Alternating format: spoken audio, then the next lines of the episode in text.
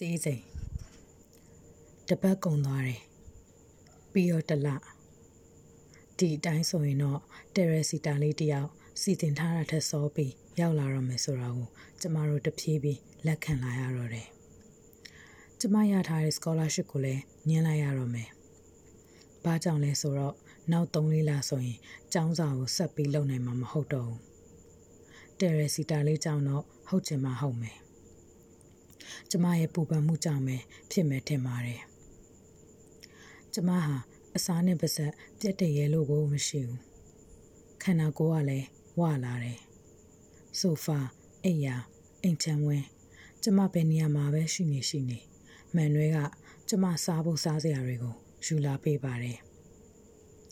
အစားတောက်တွေကလင်မန်းပေါ်မှာအစီအစဉ်တကြမိဖို့ကြောင့်ထဲမှာလဲအားလုံးတသက်ရရက်စ တိုကန်ထဲမှာလဲစားစရာအပြည့်မန်နွဲတယောက်အပြစ်ရှိသလိုခံစားနေရသလားဘာလားတော့မသိဘူးကျမရဲ့လိုအင်တွေကိုဖြည့်ဆည်းပေးတယ်ဒါပေမဲ့သူပင်ပန်းနေပြီပျော်ရွှင်ပုံလည်းမရဘူးအိမ်ကိုလည်းနောက်ကျမှပြန်လာတတ်တယ်ကျမကိုလည်းအဖော်သိမ့်မပြည့်ဘူး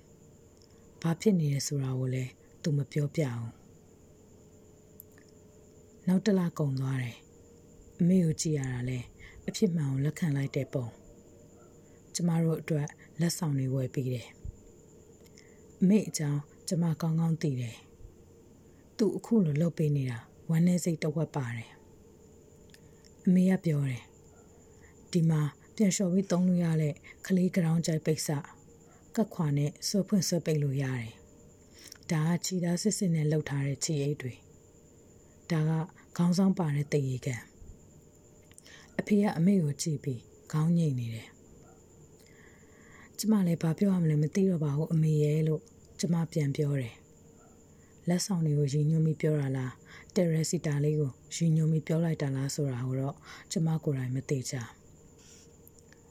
ကျမရဲ့ရောက်ခမကရောင်စုံအေးရခင်အစလေးတွေလာပြီးတဲ့အခါမှာလဲအမှန်ကိုပြောရရင်တော့ကျမမသိဘူးကျမမသိတော့ဘူးလို့ပြောမိတယ် တကယ်ကိုဘာပြောရမှန်းမသိတာကြောင့်အေးရခင်းစာလေးတွေကိုပွေဖက်ပြီးရှာကြည့်တဲ့ငငယ်ငုံမိပါတယ်တတိယလမှာကျမပို့ပြီးတော့တောင်ဝမ်းနေလာတယ်မတက်ထားတဲ့အခါတိုင်းမှန်ရှိမှတော်တော်ကြာရက်နေမိတယ်ကျမရဲ့မျက်နှာလက်မောင်းကျမရဲ့ခန္ဓာကိုယ်တစ်ခုလုံးအထူးသဖြင့်ကျမရဲ့ဘိုက်တို့ဟာရောင်အန်းနေကြတယ်တခါတည်းရန် မန်နွဲကိုခေါ်ပြီးကျမရဲ့ဘေးမှာရက်ခိုင်းလိုက်တယ်ကျမနဲ့ရှင်ရင်သူကပိတ်မာတယ်သူကြည့်ရတာအာယုံပြတ်နေပုံပဲစကားလည်းတိတ်မပြောအလုတ်ကပြန်လာတဲ့အခါမေးစီကိုလက်နှစ်ဖက်နဲ့ထောက်ပြီး TV ထိုင်ကြည့်နေတတ်တယ်သူကျမပေါ်အချစ်ရော်သွားလို့တော့မဟုတ်ပါဘူးသူကျမကိုတိတ်ပြီးညှဉ်းနိုးတယ်ဆိုတာကျမသိတယ် ပြီးတော့ကျမလိုပဲတယ်ရစီတာလေးအပေါ်မှာညှို့ညင်တဲ့စိတ်မရှိဘူးဆိုတာလဲကျမသိပါတယ်တကယ်ဆိုလဲဘာများညှို့ညင်စရာရှိလို့လဲရှင်အမှန်တော့တယ်ရစီတာလေးလူလောကကိုရောက်မလာခင်လှုပ်ရှားတွေများလွန်နေတာပါကျမရဲ့ဘိုက်ကိုကန်ကြည့်တင်တယ်လို့အမေကတခါတလေတောင်းဆိုတယ်ကျမကဆိုဖာပေါ်မှာထိုင်နေတော့တယ်ရစီတာလေးကိုနူးညံ့ချိုတာတဲ့အတန်နဲ့ အမေကစကားပြောတာပေါ့မန်နွေရဲ့အမေကြတော့အချိန်တိုင်းဖုန်းခေါ်ပြီးကျမနေကောင်းရဲ့လားကျမဘယ်ရောက်နေတယ်လဲဘာစားတယ်လဲဘယ်လိုခံစားရတယ်လဲစသဖြင့်တွေးမိသမျှမေးခွန်းတွေသူတရဆက်မေးတတ်ပါတယ်ကျမမှာအိမ်မပြောတဲ့ပြဿနာရှိတယ်ညဘက်ဆိုအိယာထဲမှာလှဲပြီးမျက်နှာချက်ကိုစိုက်ငေး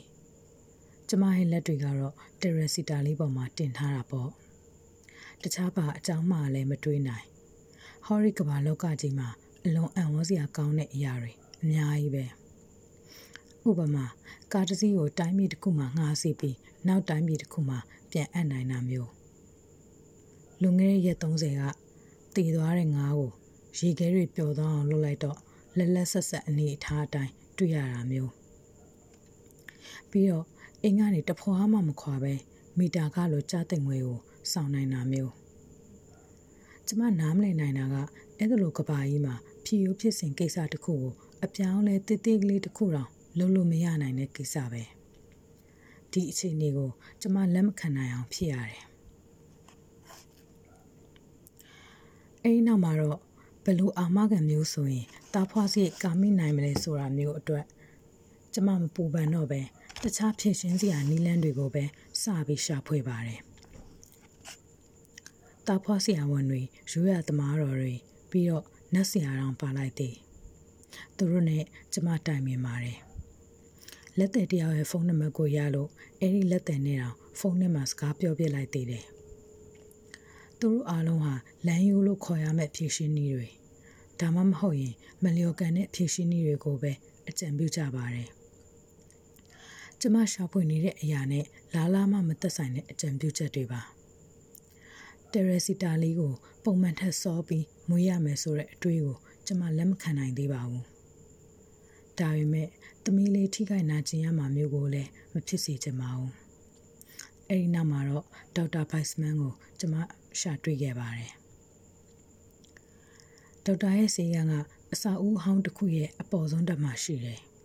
စီးရီမာတွေပါတွေမရှိဘူးဆောင်းလိုင်းကန်းလည်းမရှိဘူးဝင်ပေါက်လန်းခတ်သေးသေးလေးတစ်ခုနဲ့ အခန်းနှစ်ခုသာရှိတယ်ဘိုက်စမန်ကကျမတို့ကိုဖော်ဖော်ရွေးကြိုဆိုပြီးကော်ဖီလဲတိုက်တယ်သူနဲ့စကားပြောတော့ကျမတို့ရဲ့မိသားစုအကြောင်းကိုအထူးစိတ်ဝင်စားရှိတယ်ကျမတို့ရဲ့မိဘတွေအကြောင်းကျမတို့ရဲ့အိမ်တောင်ရေးအကြောင်းပြီးတော့ကျမတို့အားလုံးရဲ့ဆက်ဆံရေးအခြေအနေစသဖြင့်ပေါ့သူမီးလာမြမေးခွန်းတွေကိုကျမတို့ဖြေပါတယ်ဘိုက်စမန်ကသူ့ရဲ့လက်ချောင်းတွေကိုရှက်ထားပြီး လက်တွေကိုစပွဲပေါ်မှာတင်ထားတယ်ကျမတို့ရဲ့မိသားစု profile ကိုသူကြည်နဲ့နှစ်ချိုက်ပုံရတယ်သူ့ရဲ့လုပ်ငန်းအတွေ့အကြုံသူတည်တနာအောင်မြင်ခဲ့ပုံပြီးတော့ကျမတို့အတွက်သူလုပ်ပေးနိုင်တဲ့အရာတွေအကြောင်းပြောပြတယ်ကျမတို့ကိုထွေထူးစီးအောင်စရာမလိုဘူးဆိုတာသူသိတယ်ဒါကြောင့်ကုသမှုအကြောင်းကိုဆက်ပြီးရှင်းပြတယ်ကျမမန်နွဲကိုတစ်ချက်တစ်ချက်လှမ်းကြည့်မိတယ်မန်နွဲက ဘိုက်စမန်ရှင်းပြနေတာကိုခေါင်းတငိမ့်ငိမ့်နဲ့တိတိကျကျနားထောင်နေတာတွေ့ရတယ်ကုသမှုနဲ့ပတ်သက်ပြီးစိတ်အားထက်သန်နေပုံရပါတယ်။ကုသမှုအတွက်လုပ်ရမယ့်ဟာတွေထဲမှာအစားအသောက်ပုံစံနဲ့အိတ်တဲ့ပုံစံတွေကိုပြောင်းယူရမှာတွေပါတယ်။အသက်ရှူလေ့ကျင့်ရေးလုပ်တာတို့စေးတောက်ရမှာတို့လည်းပါတယ်။ဒီကိစ္စနဲ့ပတ်သက်ပြီးအမေအဖေရောက်ခမစားတဲ့သူတွေနဲ့ စကားပြောဖို့လိုလိမ့်မယ်။သူတို့ရဲ့အခန်းကဏ္ဍတွေကလည်းအရေးပါတယ်။ဒေါက်တာပြောသမျှကိုကျမရဲ့မှတ်စုစာအုပ်ထဲမှာတစ်ချက်ချင်းစီရေးမှတ်လိုက်တယ်။ဟော်ရီကုသမှုကနေဘယ်လိုအာမခံချက်မျိုးရနိုင်မလဲလို့ကျမမေးလိုက်တယ်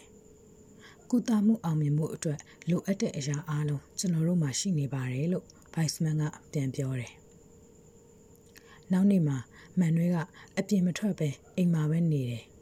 ဇရာကွက်တွေစာရွက်စာတမ်းတွေဝန်းရံထားတဲ့ဧကန်စပွဲမှာကျမတို့ထိုင်လိုက်ကြပြီးလုပ်ငန်းစလိုက်ပါတယ်။တရစီတာလီပုံမှန်ထက်စောပြီးရောက်လာမယ်ဆိုတာကိုစသိတဲ့အချိန်ကနေအခုထိဖြစ်ပျက်သမျှကိုကျမချရေးလိုက်တယ်။အမှန်အတိုင်းဖြစ်အောင်တတ်နိုင်သမျှစူးစမ်းပြီးရေးတယ်။မိဘတွေကိုခေါ်လိုက်ပြီးအားလုံးကိုရှင်းပြတယ်။ဘိုင်စမန်နဲ့ကုသဖို့ဆုံးဖြတ်ပြီးပြီဆိုတဲ့အကြောင်းကုသမှု မကြခင်စတင်မှာဖြစ်တဲ့အကြောင်းတခြားဘာကိစ္စကိုမှမဆွေးနွေးကျင်တော့တဲ့အကြောင်းပေါ့။ကျမရဲ့အဖေကမိကုံမေးဖို့ဟန်ပြင်းတယ်။ဒါပေမဲ့မန်နွေးကကြားဖြတ်ပြီးပြောလိုက်တယ်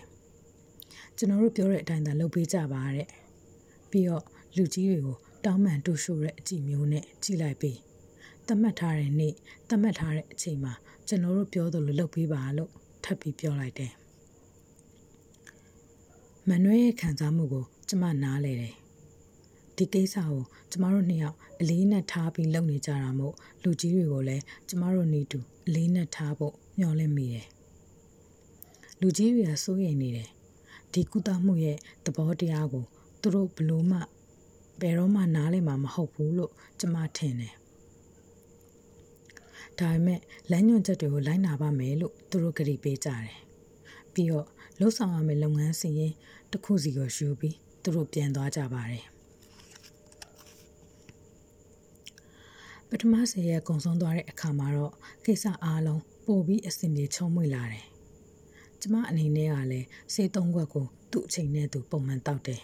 ။ပြီးတော့သတိဖြင့်အသက်ရှူခြင်းဆိုတဲ့လေ့ကျင့်ခန်းကိုတလေးတစားလုပ်တယ်။သတိနဲ့အသက်ရှူတဲ့ကိစ္စကဒီကုသမှုရဲ့အခြေခံကြတဲ့အစိတ်အပိုင်းတစ်ရပ်ဖြစ်တယ်။ အနားယူခြင်းနဲ့အာယုံဆူဆခြင်းတို့ကိုလှုပ်ဆောင်ရမှာစံတက်တဲ့နီလန်းတစ်ရပ်လည်းဖြစ်တယ်။ဘိုက်စမန်ကိုယ်တိုင်ရှာဖွေတွေ့ရှိပြီးအခြားလူတွေကိုပို့ချနေတဲ့နီလန်းပေါ့။အင်ချံဝင်းတွေကမြက်ခင်းပြင်ပေါ်မှာထိုင်ရင်ကဘာမြေကြီးရဲ့ဆွတ်ဆွတ်သောတအိမ်နဲ့ဆက်သွယ်မှုပြုလုပ်တဲ့လုပ်ငန်းကိုလည်းကျမအာယုံနှစ်ပြီးလှုပ်ဆောင်ပါတယ်တခါတခါအသက်ရှူသွင်းပြီး နှစ်ခါရှူထုတ်တဲ့လက်ကျင်ငန်းနဲ့စတင်ခဲ့ပါတယ်အသက်တစ်ခါရှူသွင်းချိန်5စက္ကန့်ရှူထုတ်ချိန်10စက္ကန့်ကြာသည့်အထိကျမလေ့ကျင့်တယ်လင်းငါရဲ့လေ့ကျင့်ပြီးတဲ့အခါမှာတော့တစ်ခါရှူသွင်းချိန်က10စက္ကန့်ရှူထုတ်ချိန်က15စက္ကန့်ဖြစ်လာတယ်။အဲဒီနောက်သတိနဲ့အသက်ရှူခြင်းရဲ့ဒုတိယအဆင့်ကိုတက်တယ်။ဒီအဆင့်မှာကျမခန္ဓာကိုယ်ရဲ့စွမ်းအင်တွေရဲ့ရွေရှားမှုကိုခံစားမိလာတယ်။ ဒီအဆင့်ကိုကြော်ဖြတ်ဖို့ကအချိန်ကြာတတ်တယ်လို့ Viceman ကပြောတယ်။ဒါပေမဲ့ကျမလှုပ်ဆောင်နိုင်တဲ့အဆင့်ဖြစ်ကြောင်းဒီဇိုင်းမမတ်လေ့ကျင့်ဖို့တော့လိုကြောင်းခိုင်ခိုင်မာမာပြောတယ်နောက်တော့ကျမကိုယ်တွေကစွမ်းအင်တွေရဲ့ရွေလျာမှုနှုံတာကိုစိတ်ထဲမှာပုံဖော်ကြည့်နိုင်တဲ့အနေအထားကိုရောက်လာပါတော့တယ်။မတိတတိလေးကလေးထိုးခံရတယ်လို့မျိုးဖြစ်ပြီးအဲ့ဒီခံစားမှုကနှက်ခမ်းနေရာမှာစတင်စက လက်တွေခြေထောက်တွေစီရွေလျာတော့ပါတယ်။စွမ်းရည်ရရှာမှုနှုံကိုဖြည်းဖြည်းချင်းလျှော့ချသွားရမှာဖြစ်တယ်။ပန်းနိုင်ကတော့အဲ့ဒါလိုနည်းနည်းချင်းလျှော့ချသွားပြီးစွမ်းရည်ရရှာမှုကိုအပီးတိုင်ရက်တန့်လိုက်ဖို့ဖြစ်ပါတယ်။အဲဒီနောက်စွမ်းအင်ကိုပြောင်းပြန်စီးဆင်းနိုင်အောင်လုပ်ဆောင်ရမှာဖြစ်တယ်။မန်နွေအနေနဲ့ကျမကိုတယူတရားလုံးလို့မရနိုင်သေးဘူး။ကျမတို့ပြုလုပ်ထားတဲ့အစီအစဉ်ကိုမပြတ်မကွက် သစ္စာရှိရမှာ။ဒါကြောင့်မလို့ကျမနဲ့တလားလောက်တလားခွဲလောက်ခက်ခော့ခွာနေရမယ်။လိုအပ်မှပဲစကားပြောရမယ်။တချို့ညတွေနောက်ကျပြီးအိမ်ပြန်လာရမယ်။ဒီစည်းကမ်းတွေကိုမန်နွယ်ကဝရိယရှိရှိလိုက်နာပါတယ်။ဒါပေမဲ့ကျမသူ့အကြောင်းကောင်းကောင်းသိတယ်။ပေါ်ပေါ်လွန်လွန်ကြီးမဟုတ်ပေမဲ့သူဟာပိုပြီးကောင်းမွန်တဲ့ခင်မွန်းဖြစ်လာတယ်။ကျမကိုအားရပါရဖတ်ပြီးတတိယရဲ့အကြောင်းပြောဖို့ ဆန္ဒတွေအရန်ပြင်းပြနေမှာသိကြပါတယ်။ဒါပေမဲ့လောလောဆယ်တော့ဒီအတိုင်းပဲသွားရအောင်မယ်။ရေးသားထားတဲ့ဇညွန်းကတစ်စက္ကန့်လေးတောင်မှချော်ထွက်သွားလို့မဖြစ်ဘူး။နောက်လာမှလည်းတတိနဲ့အသက်ရှူတဲ့လုပ်ငန်းကဆက်ပြီးတိုးတက်လာတယ်။စွမ်းရည်ရွေးရှာမှုကိုရပ်တန့်အောင်လုပ်နိုင်တဲ့အခြေအနေရှိလာတယ်လို့ကျွန်မခံစားလာရတယ်။ပြီးဆုံးဖို့အချိန်တိတ်မလိုတော့ကြောင်းနည်းနည်းဆက်ပြီး တွန်းတွန်းတိုက်တိုက်လှုပ်ဖို့သာလိုကြောင်းဘိုက်စမန်ကပြောတယ်။ကျွန်မတောက်နေတဲ့စီးပမာဏကိုသူမြင့်လိုက်တယ်။ကျမရဲ့စိတ်ထဲကစိုးရင်ပူပန်မှုတွေရှော့ကျလာတယ်လို့ခံစားရတယ်။အစာစားတာကိုလည်းရှော့ချလာနိုင်တယ်မန်နွဲရဲ့အမေကသူ့လိုက်နိုင်ရမယ့်လမ်းညွှန်ချက်တွေကပထမဆုံးအချက်ကိုစူးစမ်းပန်းစားလိုက်နာရှာတယ်။ဒီချက်ကအရေးကြီးဆုံးအချက်မို့လမ်းညွှန်ဆောင်ရွက်တွေပေးလိုက်တော့ကအဲ့ဒီအချက်ကို အကျဉ်းရများစွာ မြင်သာပေးခဲ့တယ်။ကျမတို့စီဖုန်းခေါ်တာကိုဖြည်းဖြည်းချင်းအကျဉ်းရလျှော့ပြီးခေါ်တယ်။လမ်းညွှန်ဆောင်ရွက်မှာဖြည်းဖြည်းချင်းလို့ပြောထားတယ်။ပြီးတော့တရစီတာလေးအကြောင်းအချိန်တိုင်းပြောဖို့တက်ကြွနေတာမျိုးလည်းမဟုတ်တော့ဘူးဒုတိယလကတော့ပြောင်းလဲမှုတွေအများဆုံးကြုံရတဲ့လပါပဲကျမရဲ့ခန္ဓာကိုယ်ကအရင်ကလောက်ဖောင်းကားမနေတော့ဘူး ကျမရဲ့ဘိုက်ကလည်းတဖြည်းဖြည်းရှုံလာတာမို့လင်မယားနှစ်ယောက်ဝမ်းလဲတာအံ့လဲအံ့အောင်မိတယ်တိတာထူကြလာတဲ့အပြောင်းလဲတွေမို့ကျမတို့ရဲ့မိဘတွေမျက်လုံးပြူးကုန်ကြတယ်ကျမတို့လှုပ်ဆောင်နေတဲ့ကုသမှုကဘလို့ဟာလဲဆိုတာအခုမှပဲသူတို့သဘောပေါက်ကြတယ်ဒါမှမဟုတ်စိတ်ထဲကနေခံမှန်းသိရှိကြပုံရတယ်။စိုးရင်ထိတ်လန့်မှုအများဆုံးဖြစ်သူကတော့မန်နွဲရဲ့အမေပဲ။ သူလိုက်နိုင်ရမယ့်လမ်းညွှန်ချက်တွေအတိုင်းနေထိုင်ပြီးစီးအပြင်ထွက်နေတယ်ဆိုပေမဲ့သူ့ရဲ့အကြောက်တရားသူ့ရဲ့တန်တရားတို့ကိုကျမခံစားမိတယ်။ကျမတို့ရဲ့ကုသမှုကိုထိခိုက်လေမလားဆိုပြီးတော့လဲစိုးရိမ်မိတယ်။ညဘက်ဆိုကျမအရင်ငါးထပ်ပို့ပြီးအိပ်ပျော်လာတယ်စိတ်ရက်ကြတာမျိုးလည်းမရှိတော့ဘူးတတတိနဲ့အသက်ရှူရဲ့လုပ်ငန်းမှာကျမတိုးတက်လာတဲ့အကြောင်းဘိုက်စမန်ကိုပြောပြတော့သူစိတ်လှုပ်ရှားနေတယ် ဒီလိုဆိုတော့ကျမဟာစွမ်းရည်တွေကိုတုံပြီးထိမ့်သိမ်းထားနိုင်တော့မဲ့ပုံရှိလာပြီပန်းနိုင်နဲ့လဲစံချင်မြင်တစ်ခုစာလောက်အထိနီးကပ်နီးဆက်လာနေပါပြီနောက်ဆုံးလမတိုင်ခင်လဖြစ်တဲ့တတိယမြောက်လစတင်ပါတယ်ကျမတို့ရဲ့မိဘတွေအရေးကြီးဆုံးအခန်းကဏ္ဍကနေပါဝင်ရမယ့်လလည်းဖြစ်တယ်သူတို့ကိုစကားတီအောင်လုပ်ဖို့ကျမတို့စိတ်လောနေကြတယ် ဒါမှလည်းကျမတို့လိုချင်တယ်လို့တီတီတက်တက်ဖြစ်လာမှာမိဘတွေကစကားတီကြပါတယ်သူတို့လုပ်ရမယ့်အလုပ်တွေကိုလည်းကောင်းကောင်းမွန်မွန်လုပ်ဆောင်နိုင်တယ်ဒီအတွက်ကျမတို့ကျေးဇူးတင်မိရဲ့နေ့လည်ခင်းတစ်ခုမှာမန်နွဲရဲ့အမေရောက်လာပြီးတယ်ရစီတာအတွက်သူဝယ်ပေးထားတဲ့ရောင်စုံအယခင်းတွေကိုပြန်တောင်းတယ်အသေးစိတ်ကိုအချိန်ယူစဉ်းစားထားပုံရတယ်အယခင်းထုတ်တွေထည့်ဖို့အတွက်အိတ်တလုံးကိုတောင် တောင်းသွားလိုက်ပါသေးတယ်ငါယူလာတော့ကလည်းဒီအတိုင်းပဲလေအိတ်နဲ့ထည့်ယူလာတာဒီတော့ပြန်ယူတော့လဲဒီအတိုင်းပဲဖြစ်တင်တယ်လို့ပြောပြီးကျမတို့ကိုမျက်စိတစ်ဖက်မှိတ်ပြတယ်အဲ့ဒီနောက်မှာတော့ကျမမိဘတွေရဲ့အလှည့်သူတို့လည်းသူတို့ပေးထားတဲ့လက်ဆောင်တွေကိုလာယူကြတယ်ခေါင်းစွပ်ပါတဲ့တေရီကန်ခြိသားဆက်စင်းနဲ့လှုပ်ထားတဲ့ခြေအိတ်တွေနောက်ဆုံးပြန်လျှော်ပြီးသုံးလို့ရတဲ့ကလေး ground ကျဲပိတ်စစတာတွေကို တစ်ခုချင်းစီပြန်တောင်းတယ်ကျမလည်းသူတို့ရဲ့ပစ္စည်းတွေကိုအထုံနဲ့ထုတ်ပေးလိုက်တယ်ကျမရဲ့ဘိုက်ကိုနောက်ဆုံးအကြိမ်ဖြင့်ကင်ကြည့်လို့ရမလားလို့အမေကမေးပါတယ်ကျမကဆိုဖာပေါ်မှာထိုင်နေတာဖြစ်ပြီးအမေကကျမရဲ့ဘေးမှာထိုင်ကနူးညံ့ချို့သားစွာပြောနေတယ်ကျမရဲ့ဘိုက်ကိုပုတ်ပြီးငါရဲ့တရစီတာလေးမြေးလေးကိုအဖွားတော့တတိယနေတော့မှာပဲလို့ပြောပါတယ် ကျမဘာစကားမှမပြောပြဘူးဖြစ်နိုင်ရင်တော့အမေဟာသူ့လိုက်နိုင်ရမယ့်လမ်းညွှန်ချက်တွေကိုချိုးဖောက်ပြီးငိုချင်ငိုနေလိမ့်မယ်ဆိုတာကျမသိတယ်နောက်ဆုံးလနောက်ဆုံးနေ့ရက်တွေဟာလင်းလင်းမြန်မြန်ပဲကုံဆုံးသွားတယ်မန်နွဲလည်းကျမအနာကိုကတ်ခွင့်ရပြီအမှန်ပြောရရင်သူ့ရဲ့အဖော်ပြုမှုကကျမကိုစိတ်ချမ်းသာမှုပေးတယ်ကျမတို့မှန်ရှိမှရက်ပြီးရေမောကြတယ်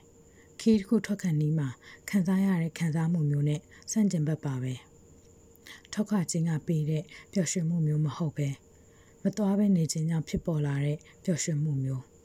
မပြောင်းလဲတဲ့အခြေအနေတွေထဲမှာပဲကိုဘွားရဲ့အကောင်းဆုံးနှစ်တစ်နှစ်တည်းကိုနောက်ထပ်နှစ်တစ်နှစ်ထည့်ပေါင်းလိုက်တာမျိုးလဲဟုတ်တယ်မပြောင်းလဲပဲဒီအတိုင်းဆက်လက်နေထိုင်နိုင်မဲ့အခွင့်အရေးပေါ့အခုဆိုရင်ကျမရဲ့ခန္ဓာကိုယ်ကတော်တော်ကြီးကြာသွားပြီ ရုပ်ပိုင်းဆိုင်ရာပေါ်ပါမှုကိုရသလိုစိတ်ဓာတ်တွေလည်းမြင်မာတက်ကြွလာတယ်ဘိုက်စမန်စီကိုနောက်ဆုံးအကြိမ်ဖြစ်ကျမရောက်သွားပါတယ်ငါတို့အတော်နီးကပ်လာပြီလို့စပွဲပေါ်ကစေးရည်စိမ်ဖန်ဖိုးကိုကျမစီတွန်းပို့ရင်သူပြောတယ်ဖန်ဖိုးကအေးနေတယ်အဲ့ဒါလိုပဲအမြင်အေးနေရမှာဖြစ်တယ်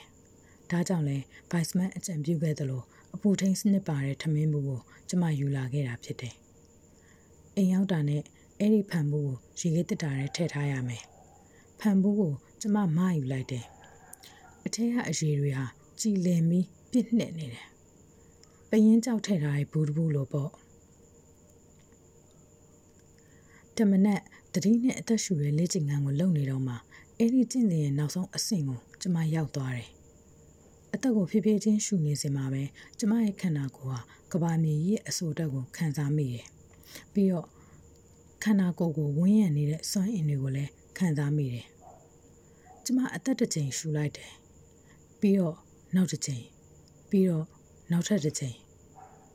အဲ့နောက်မှာတော့အရှာအားလုံးရက်တန့်သွားပါတော့တယ်စွမ်းအင်ဟာကျမရဲ့ဘေးမှာဖြစ်ထွန်းပေါ်ပေါက်နေပုံရပြီးစန့်ကျင်ဘက်ဥတီယာအတိုင်းစတင်လှည့်လည်နေတယ် အဆိုပါဖြစ်စဉ်စတင်ဖြစ်ပေါ်နေတဲ့အခိုက်အတန့်ကိုတောင်ကျမသိနေတယ်စိတ်နဲ့ရုပ်ကိုတန့်စင်စေတဲ့ခံစားမှုမျိုးအာတစ်လောင်းပေးတဲ့ခံစားမှုမျိုးဖြစ်တယ်လေနဲ့ရေတို့ဟာကနဦးအစမှာသူတို့ကိုထိမ့်သိမ့်တုံလောင်ထားတဲ့နေရာစီသူတို့သဘောနဲ့သူတို့ပြန်လဲထွက်ခွာသွားတယ်လို့ထင်ရပါတယ်အဲ့နောက်အဆိုပါနေ့ရောက်လာတယ်အဲ့ဒီနေ့ကိုရေခဲတစ်တာပြက်ကရင်ပေါ်မှာမှတ်ထားတယ်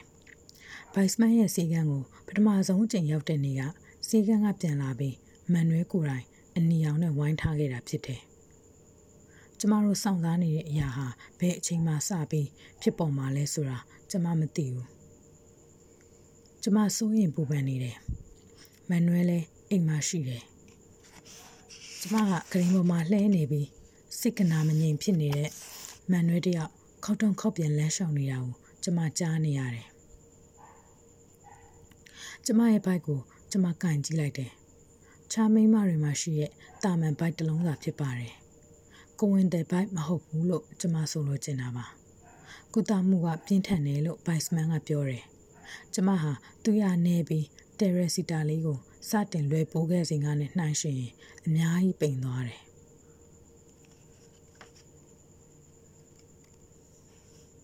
ကျမရဲ့အိတ်ခမ်းထဲမှာပဲနေပြီးတမနက်လုံး တနေ့လေကင်းလုံးစောင့်နေအစားလည်းမစားခြင်းအခန်းပြင်လည်းမထွက်ခြင်းစကားလည်းမပြောခြင်းမန်နွေကမကြမကြလာကြည့်ပြီးကျမရဲ့အခြေအနေကိုစူးစမ်းနေကျမရဲ့အမေဆိုလဲအခုလောက်ဆိုရင်ဘာလို့လို့ပါကန်ရမှန်းမသိဖြစ်နေမှာကျမကိုဖုန်းခေါ်လို့လည်းမရလူကိုယ်တိုင်လာကြည့်လို့လည်းမရဘူးဆိုတာသူတို့သိကြတယ်ကျမမူနောက်နောက်ခံစားနေရတယ်ဘိုက်ထဲကပူဆက်ပူလောင်ဖြစ်ပြီးတတိုးတော့ခုန်နေတယ် အဲ့လိုခုန်နေတာကိုပိုပြီးပြင်းထန်လာတယ်မသိရင်ထပြီးပောက်ခွဲတော့မှမရအောင်မန်နွေကိုပြောမှဖြစ်တော့မယ်လို့ကျမအားယူပြီးထလိုက်တယ်ဒါမဲ့ထလို့မရအောင်အဲ့လောက်ထိမူးနောက်နေမှကျမမရိပ်စားမိလိုက်ဘူးမန်နွေကိုအကျိုးကြောင့်ပြောပြပြီးဘိုက်စမန်ကိုခေါ်ခိုင်းရမယ်မတက်ရလို့မရဖြစ်ပြီးဒူးထောက်ကျသွားတယ်တတိနဲ့အသက်ရှူဖို့ကိုစဉ်းစားမိရဲ့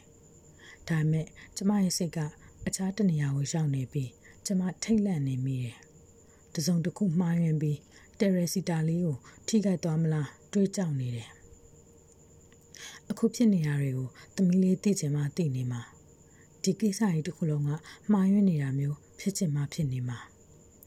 မန်နွဲကျမအခန်းထဲကိုရောက်တော့ကျမစီပြေးလာတယ်အချိန်မတိုင်သေးဘူးဆိုပြီးကျမစောင့်နေတာသမီးလေးထိခိုက်သွားမှအောင်မလိုချင်ဘူးလို့ကျမပြောလိုက်တယ် ကျမကိုအခုတိုင်းပဲကျမ်းမြင့်ပေါ်မှာထားခဲ့ဖို့ဘိုက်စမန်ကိုအမြန်တော့ခေါ်ဖို့အားလုံးကမကမဖြစ်နေပြီလို့စသဖြင့်ကျမပြောချင်ပေမဲ့ပြောလို့မရဘူးကျမရဲ့ခန္ဓာကိုယ်ကတုံရင်နေတယ်ကျမရဲ့ခန္ဓာကိုယ်ဟာကျမရဲ့ထိန်ချုပ်မှုအောက်မှာမရှိတော့ဘူး